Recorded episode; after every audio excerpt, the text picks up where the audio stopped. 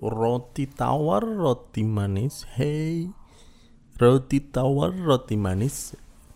Itu adalah alarm pribadi gue ya setiap pagi. Kalau nggak suara tukang roti biasanya tukang sayur yang datang. Nah akhirnya gue bisa merekam kembali. Setelah sekian puluh bulan kemarin nggak sempat bikin konten.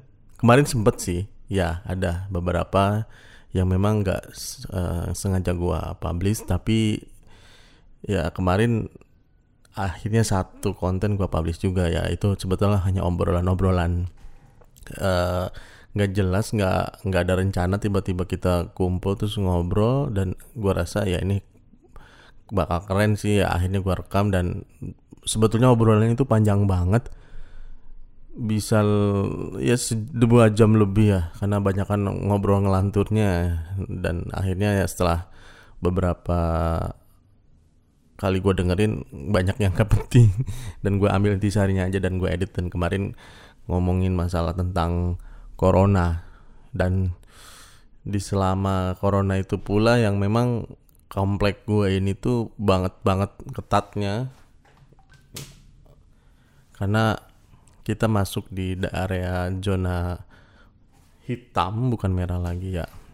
Tapi alhamdulillah gue masih selamat. Insya Allah mudah-mudahan juga uh, akan nggak akan ya mudah-mudahan selamanya lah nggak kena gitu kan. Nah dengan tadanya tukang roti tadi itu sebetulnya buat gue bikin apa jadi happy ya. Karena sebelumnya nggak pernah bisa masuk gitu ke komplek dan sekarang gue denger itu lagi tuh kayaknya wow alhamdulillah berarti ya udah mulai boleh gitu kan. Karena di tempat gue tuh security itu cukup ketat nggak boleh masuk uh, yang nggak kenal kemudian yang bukan um, warga sini. Bahkan saudara pun kalau nggak dijemput ya nggak bisa masuk. Kayak kemarin tuh lebaran gue nggak nggak ada silaturahmi. Kalau mereka mau ke sini gue harus bilang dulu gitu Nah, nanti gue jemput baru bisa masuk. Dan itu pun melalui prosedur uh, sterilisasi ya di gerbang itu disemprot, kemudian cuci tangan dan ya begitulah.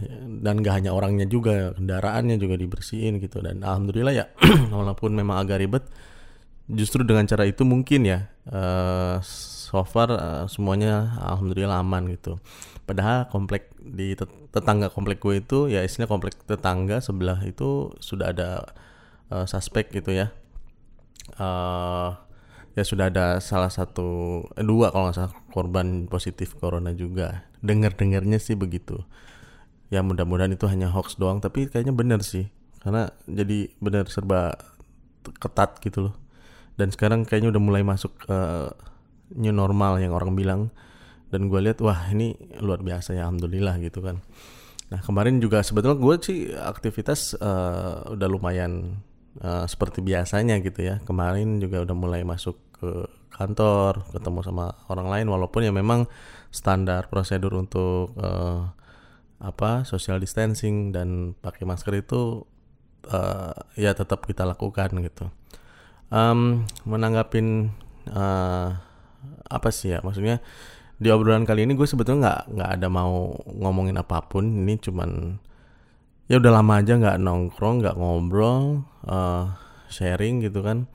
Dan gue tiba-tiba tadi kepikiran ya udah kok dengar suara lagu suara itu gitu kan.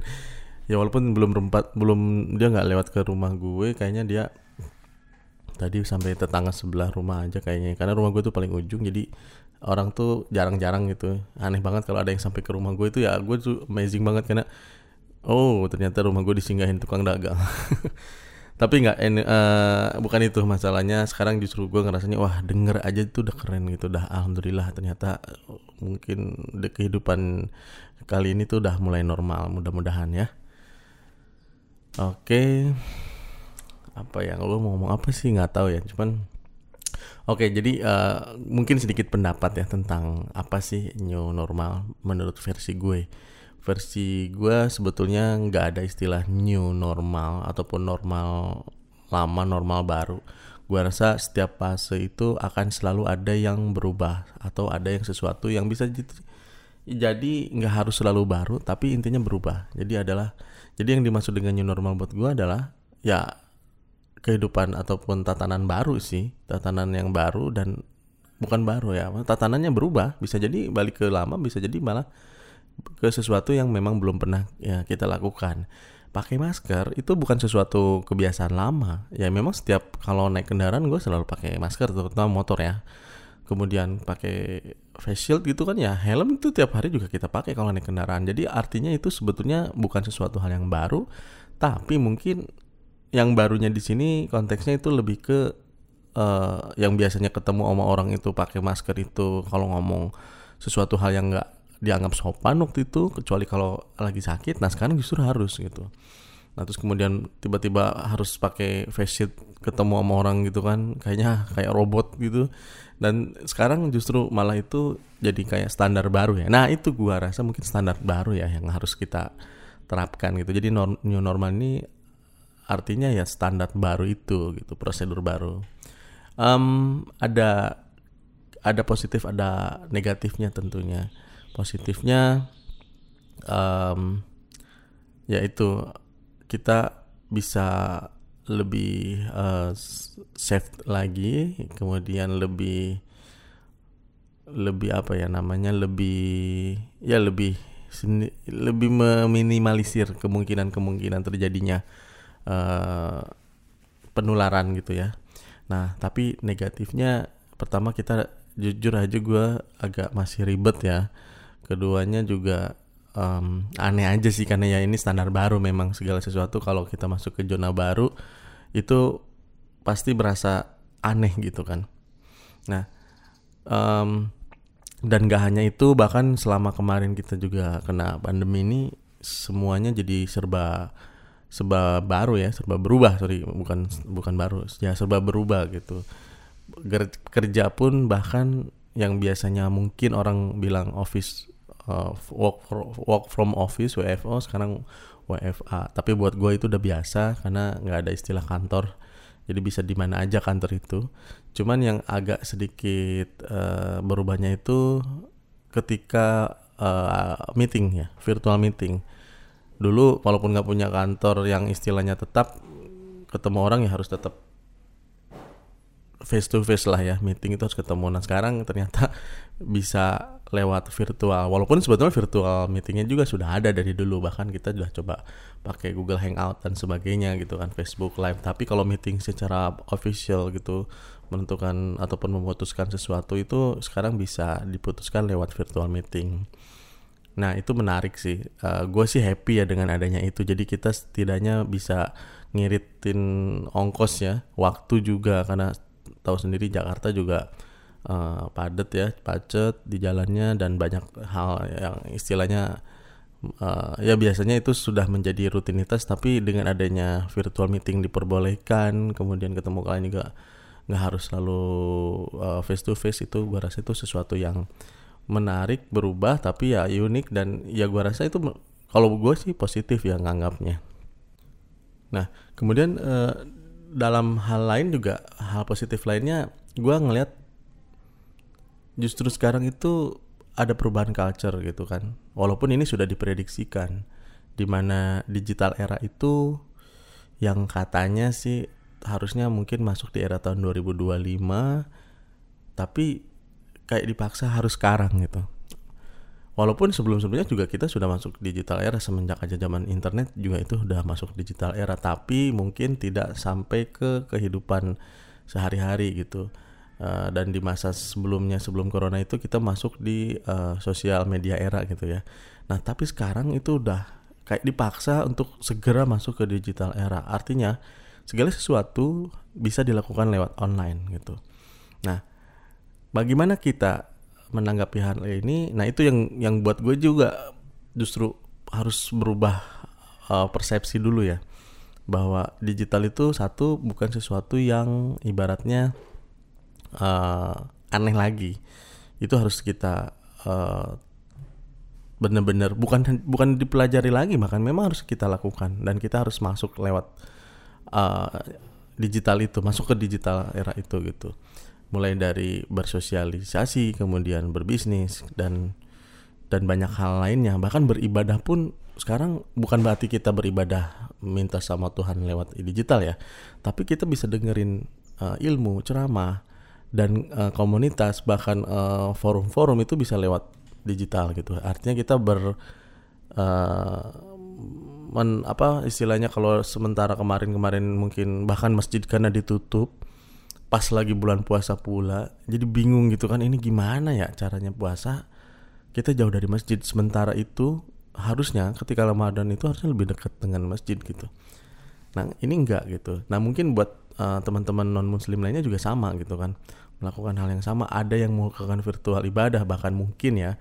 Uh, eh, gue dengar-dengar gitu kan uh, kalau nggak salah dari teman-teman di Nasrani ada ibadah online gitu. Uh, kalau nggak salah ya ini uh, correct me if I'm wrong uh, tetangga gue itu memang dia adalah uh, pendeta. Dia bilang aktivitas sekarang ini ya kebanyakan justru banyak melayani ibadah melalui virtual online virtual gitu. Nah gue nggak tahu teknisnya kayak gimana tapi gue rasa wah ini gimana ya? Maksudnya ternyata ibadah juga bisa via online. Um, kalau gue nggak akan bahas lebih ke situ tapi lebih ke bagaimana kita masuk mempersiapkan diri kita. Bukan mempersiapkan justru sekarang udah lu harus dipaksa masuk segera gitu. Dan ya itulah mau nggak mau gitu kan. Ya kalaupun walau ya walaupun gue ya alhamdulillah sebelum sebelumnya ya sudah mencoba untuk membiasakan diri dengan hal itu. Uh, mencoba hal-hal yang baru gitu. Dan anehnya dan bukan aneh ya tantangannya lagi digital ini tuh adalah sesuatu yang perubahannya itu sangat sangat cepat ya, sangat dinamis dan apa namanya ya tingkat keamanannya juga masih sangat sen, uh, riskan ya. Kita melakukan transaksi online mungkin masih cukup aman lah ya di kita di Indonesia khususnya. Kemudian untuk sekarang juga udah ada transaksi dalam arti peker, apa perjanjian tanda tangan online dan segala macam itu udah ya ekosistemnya udah mulai uh, terbentuk gitu. Nah, tapi di sisi lain masalah keamanan data kemudian uh, ya itu security lah intinya transparansi dan sebagainya orang tuh bisa mulai uh, akses gitu kan ke kita. Terutama ke kehidupan pribadi personal keamanan untuk keluarga anak dan istri dan sebagainya itu kayaknya kita harus juga bijak juga. Nah gue sih justru malah itu yang harus kita uh, mulai aware juga ya jangan mentang-mentang ini sekarang new normal semua serba digital kita harus masuk langsung tanpa kita tahu bagaimana cara kita memfilter itu. Karena itu sangat sangat penting ya. Seberapa pen, seberapa bisa kita uh, meminimalisir kondisi yang ada. Ya walaupun nggak hanya di dunia digital aja keamanan ataupun uh, kejahatan. Kejahatan itu akan ada kalau ada kesempatan. Kalau kata abang Napi ya dulu. Jadi apalagi di era digital yang serba tidak kelihatan ya, maksudnya masih maya gitu, masih belum ketahuan di mana uh, di mana celahnya, di mana orang bisa uh, hacknya dan sebagainya dan karena kita ini masih sesuatu yang masih dipaksakan ya di di, di kita terutama di gue. Jadi itu harus benar-benar dipelajari dan ya itu jadi jadi bahan perhatian gitu kan. Sekarang tapi kalaupun tidak seperti itu kita terlalu secure juga terbatas juga ya jadi salah juga sih. Sebelah salah sih jadinya.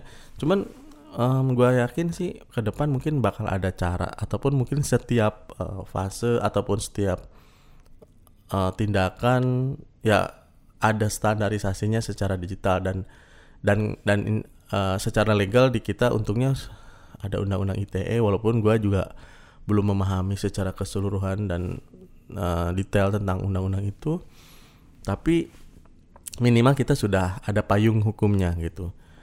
Nah ini juga yang gue alamin di um, teman-teman profesi profesi gue yaitu di musisi dan ini juga mungkin menjadi bahan untuk uh, introspeksi diri bahwa pemahaman legal tentang undang-undang kekayaan intelektual itu harus mulai kita pahamin gitu. bicara tentang copyright, bicara tentang bagaimana kita mengklaim, bagaimana kita mengamankan. Sebetulnya bukan masalah mengklaimnya, tapi bagaimana kita meman, mema, apa, mengamankan kekayaan intelektual yang kita share di digital. Nah kalau masalah itu gue rasa ya sebelum sebelumnya gue dah ya alhamdulillah kan uh, gue ada bernaung di sebuah label uh, karya-karya uh, musik dan uh, ya musik band gue. Tapi gue sendiri waktu itu masih menganggap ya sudahlah sudah ada yang mayungin nggak usah perlu kita ini nah tapi sekarang itu harus dirubah sih harus dipelajarin bagaimana kita caranya memanfa uh, mem mem mengamankan dan bahkan justru malah bisa menghasilkan nah ini juga mungkin ini ini ini adalah hal yang uh, positif selanjutnya dengan dunia digital harusnya peluang untuk mendapatkan uh, profit itu lebih luas lagi. Artinya kita sekarang masuk di dua dua ekosistem offline maupun online. Jadi itu saja sih mungkin ini nggak jadi terlalu berat omongannya. Padahal gue masih belum sarapan jadi malah ngelanturnya semakin nggak jelas justru. Terlalu berat omongannya padahal tadi cuma pengen menyapa kemudian ngomong yang ringan-ringan saja, ngomongin kebahagiaan, tapi malah jadi justru ketakutan ya. Tapi ketakutnya bukan berarti hal yang negatif. Ketakutan di sini, ketakutan di sini yang gue maksud adalah sesuatu yang harus kita coba uh, mulai pelajarin lagi gitu dan ketahuin lebih detail lagi. Itu dulu mungkin sebagai uh, pembawa apa? Sebagai konten. Ah apa sih? Ya nggak jelas lah. Udahlah intinya gue belum ngopi. So thank you banget. Sukses. Mudah-mudahan new normal ini mendapatkan sesuatu yang kehidupan lebih baik lagi dari sebelumnya. Bye